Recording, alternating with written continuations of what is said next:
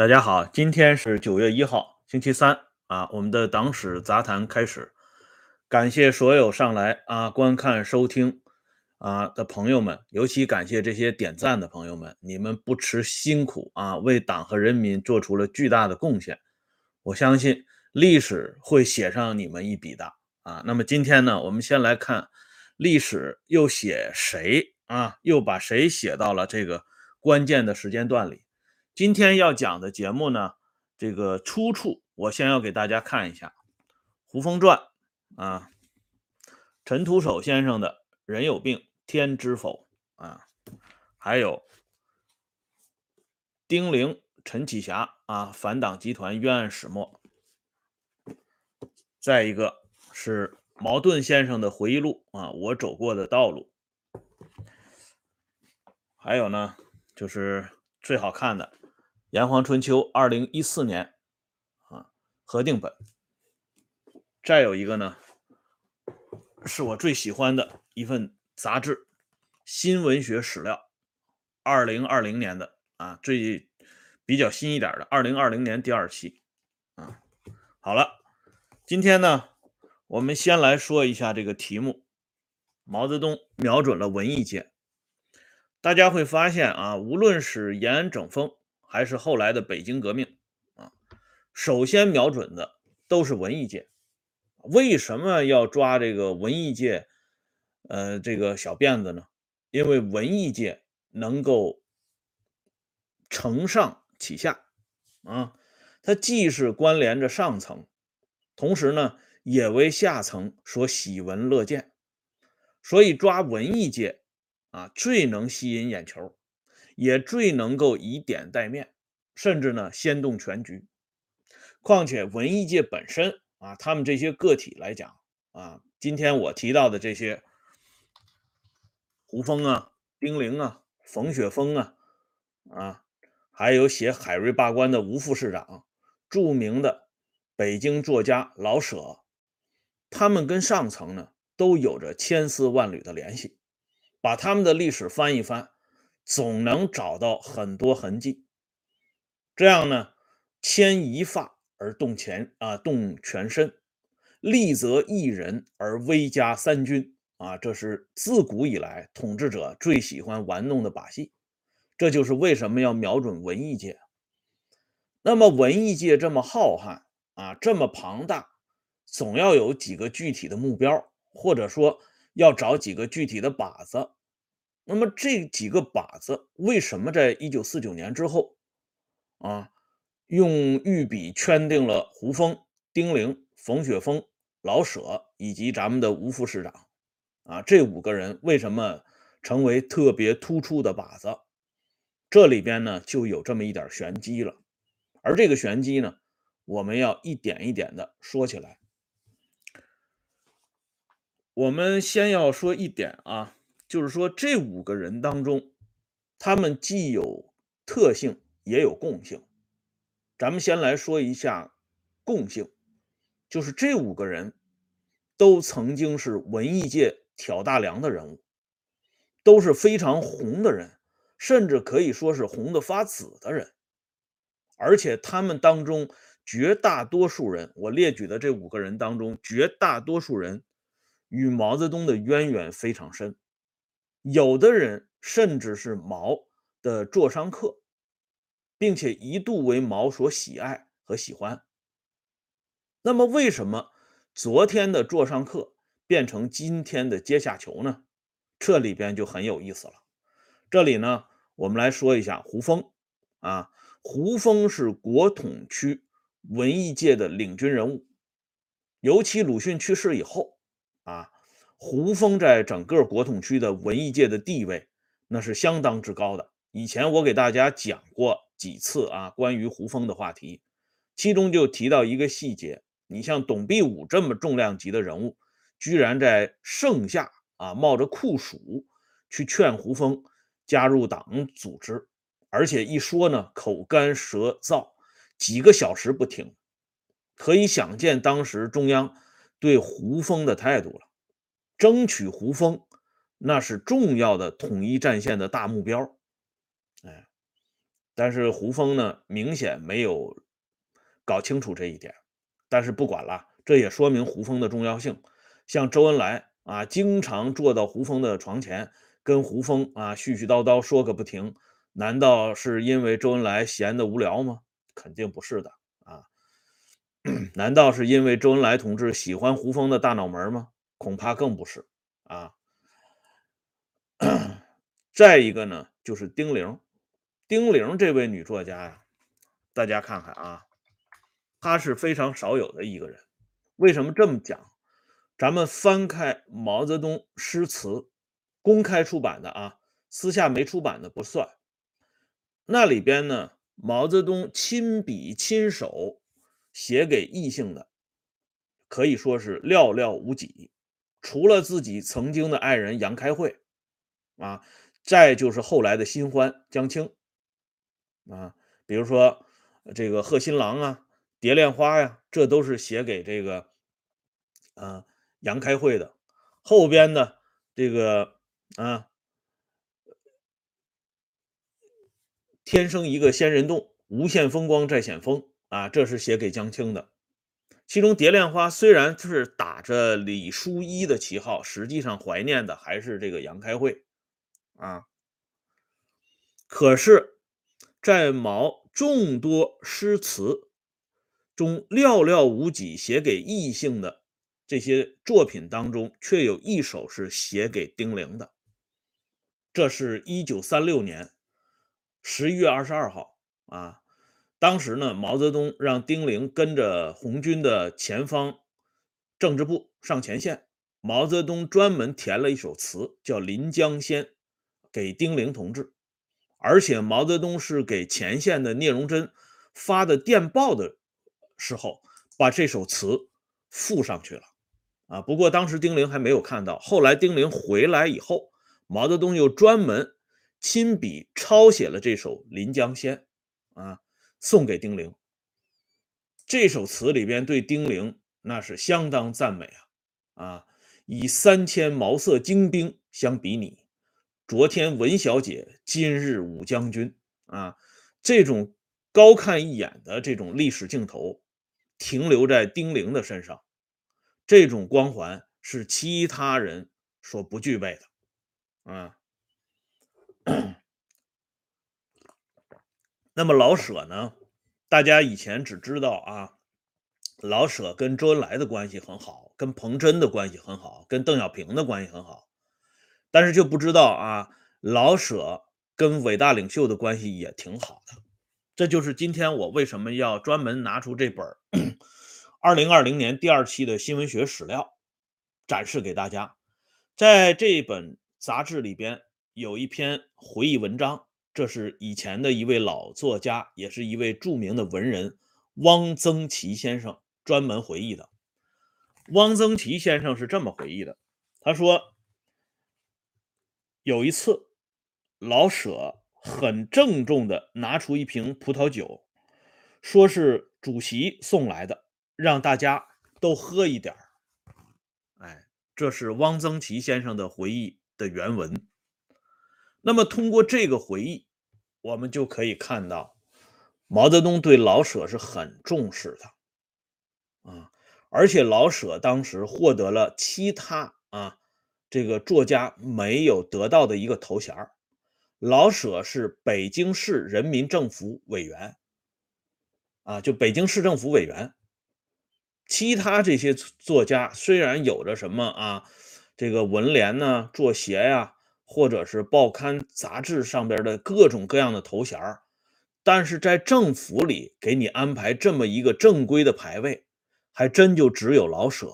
而且老舍的这个北京市人民政府委员的含金量非常之高，那是因为一九四九年就给了这个头衔的，哎，所以大家看一下啊，老舍跟毛泽东之间的这个关系，老大把红葡萄酒送给他，那么接下来我们再看冯雪峰，冯雪峰跟毛泽东的关系就更深了。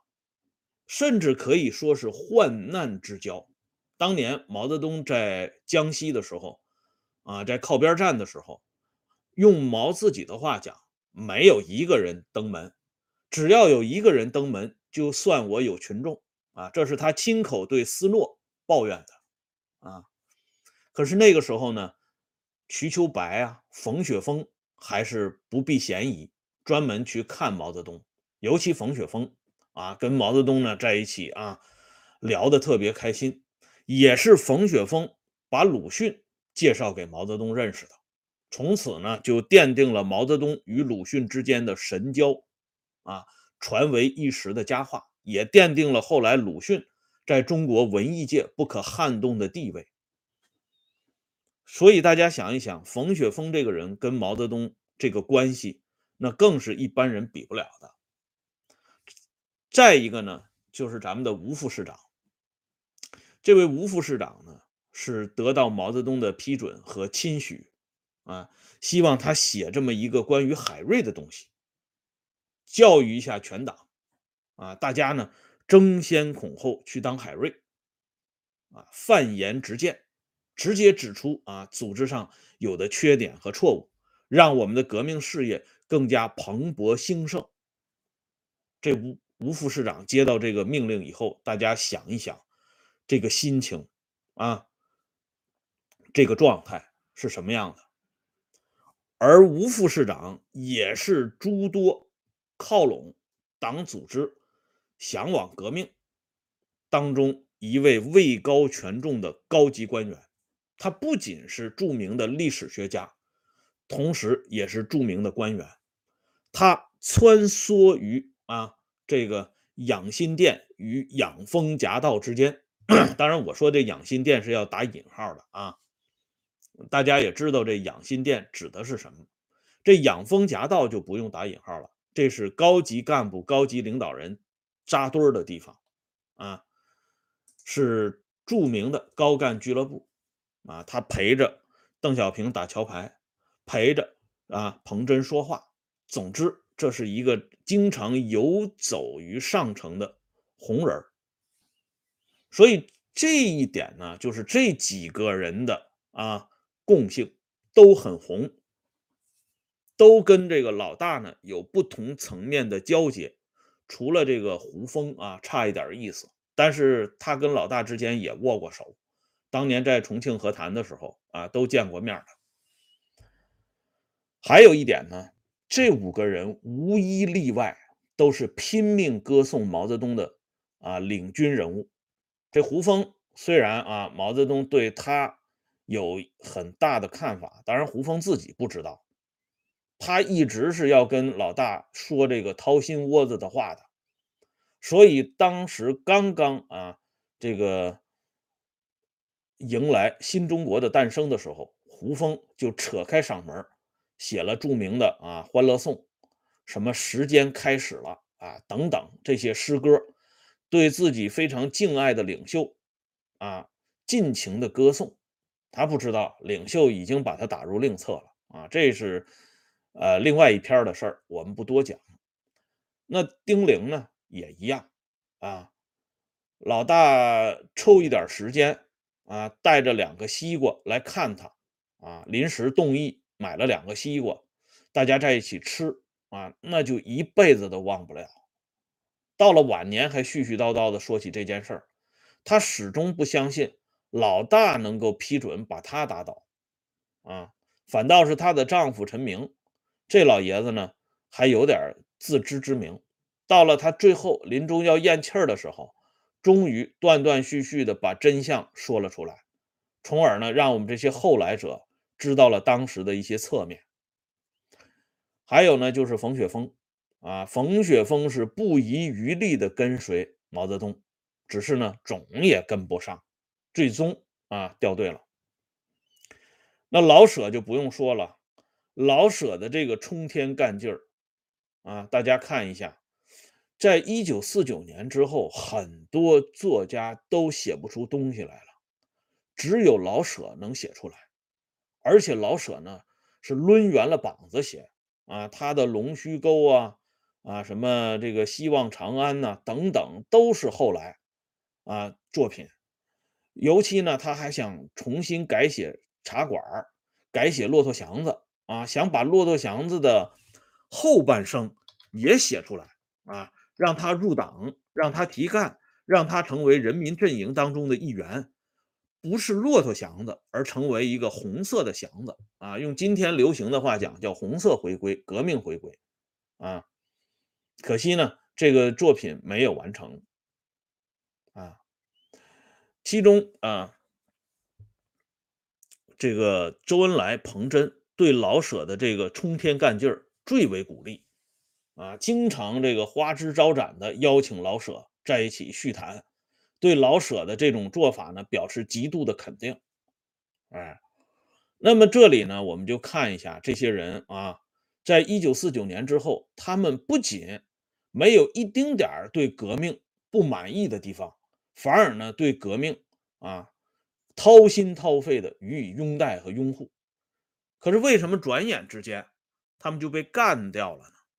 而且被干掉的非常惨啊！有的人真的是万劫不复。你像老舍和吴副市长，那就是万劫不复啊。这里呢就提到一点，就是谁距离革命最近？谁就最容易被革命所惦念啊？这被谁惦念呢？啊，不要紧，被革命惦念，这玩意儿确实是有点神奇啊。以前有句老话叫“不怕贼偷，就怕贼惦记”，啊，让贼给惦记上了，那肯定没跑。当然，贼和革命不一样啊，这只是做一个不伦的比喻。大家不要产生横向的联想啊，这样不好，这不利于这个这个完成社会主义核心价值观啊，容易走偏啊。那么接下来呢，我们就来说一下他们是怎么距离革命最近的。这里呢，我们就来举一下老舍的例子。在这本书当中呢，作者采访过老舍的儿子舒乙，舒乙啊。提供了这么一个旁证，很有意思，大家看一看啊。他说呀，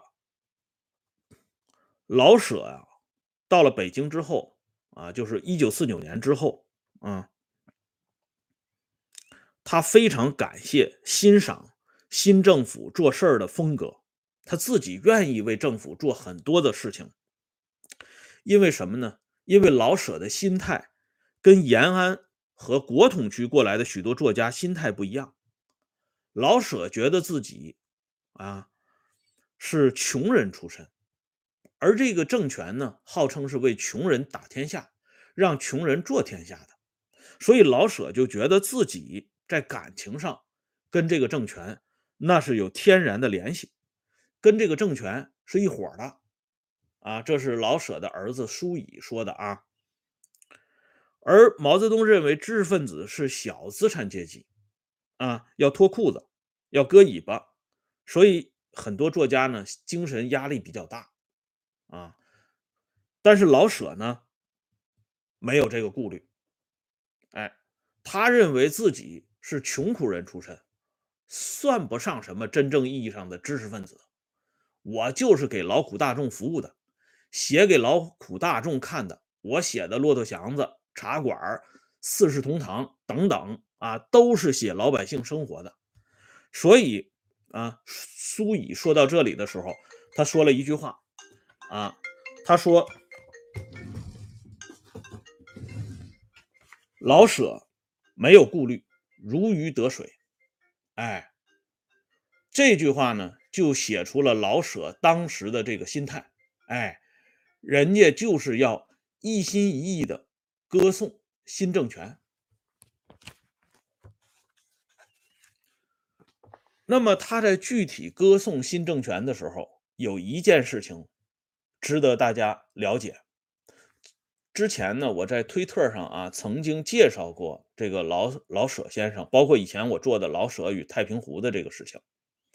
有的朋友就提出来啊，老舍先生呢，他这个人心没有恶念。啊，心存善念，啊，这个人很善良。问题是，老舍先生善良不善良，不是由老舍先生决定的。我们是要从历史当中找出相关依据和证据的。那这个时候呢，我们就来看一下《炎黄春秋》的核定本。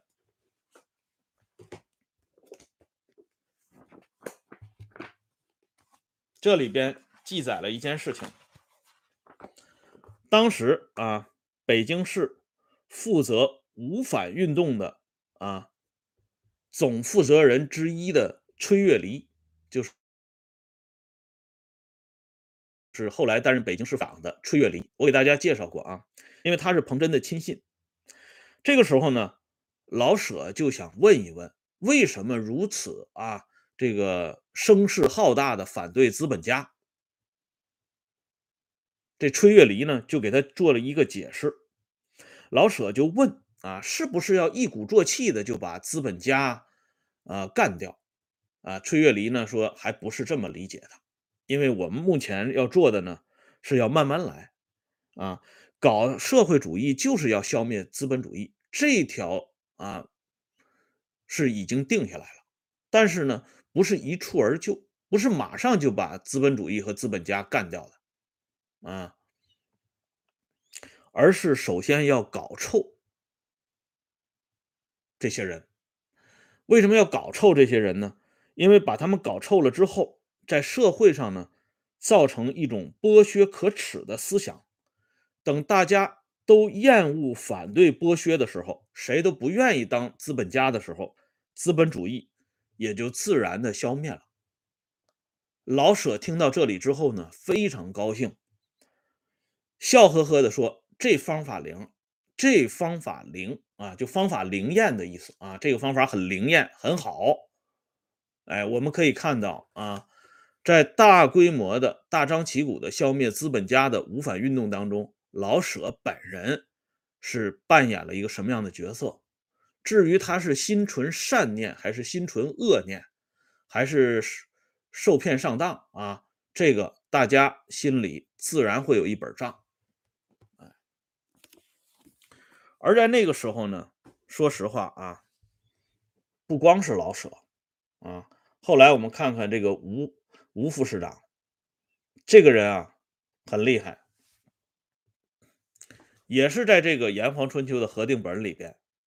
向我们介绍了这么一件事情：这个吴副市长本人呢是民盟北京市的主委，啊，负责民盟在北京市的大小事务。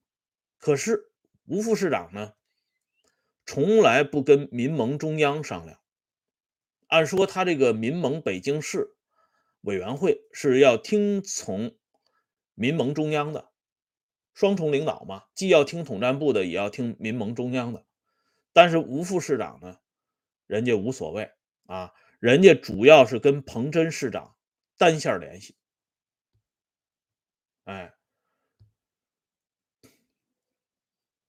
所以这民盟中央呢，对这个吴副市长呢，那是啊，没有办法，拿他一点办法都没有，因为吴副市长背后站的是彭真，站的是邓小平。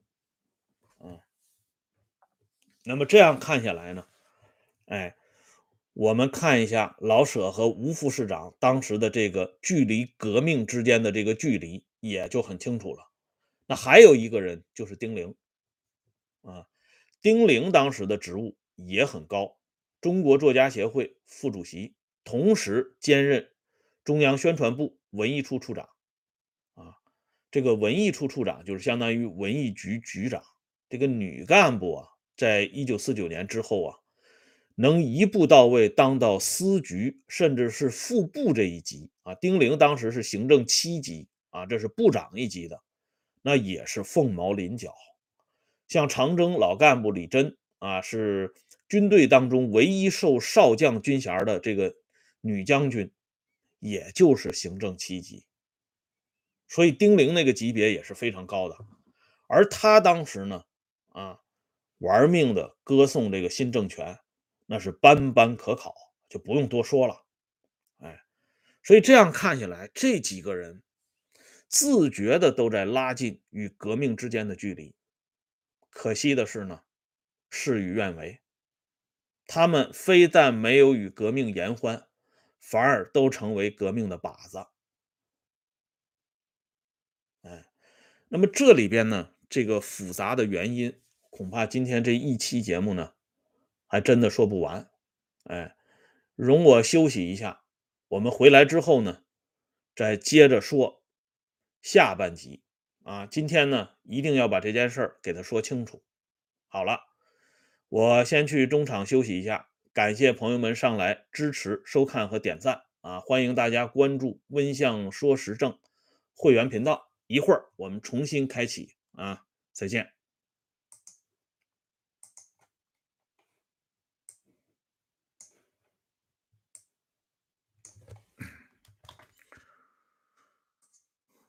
不是要故意吊大家胃口啊！我也是经过这两年多的直播啊，了解到一个经验。就是说，时间大致卡在二十分钟到二十五分钟比较好，因为人们呢对这个时间段的这个节目呢还比较有耐心。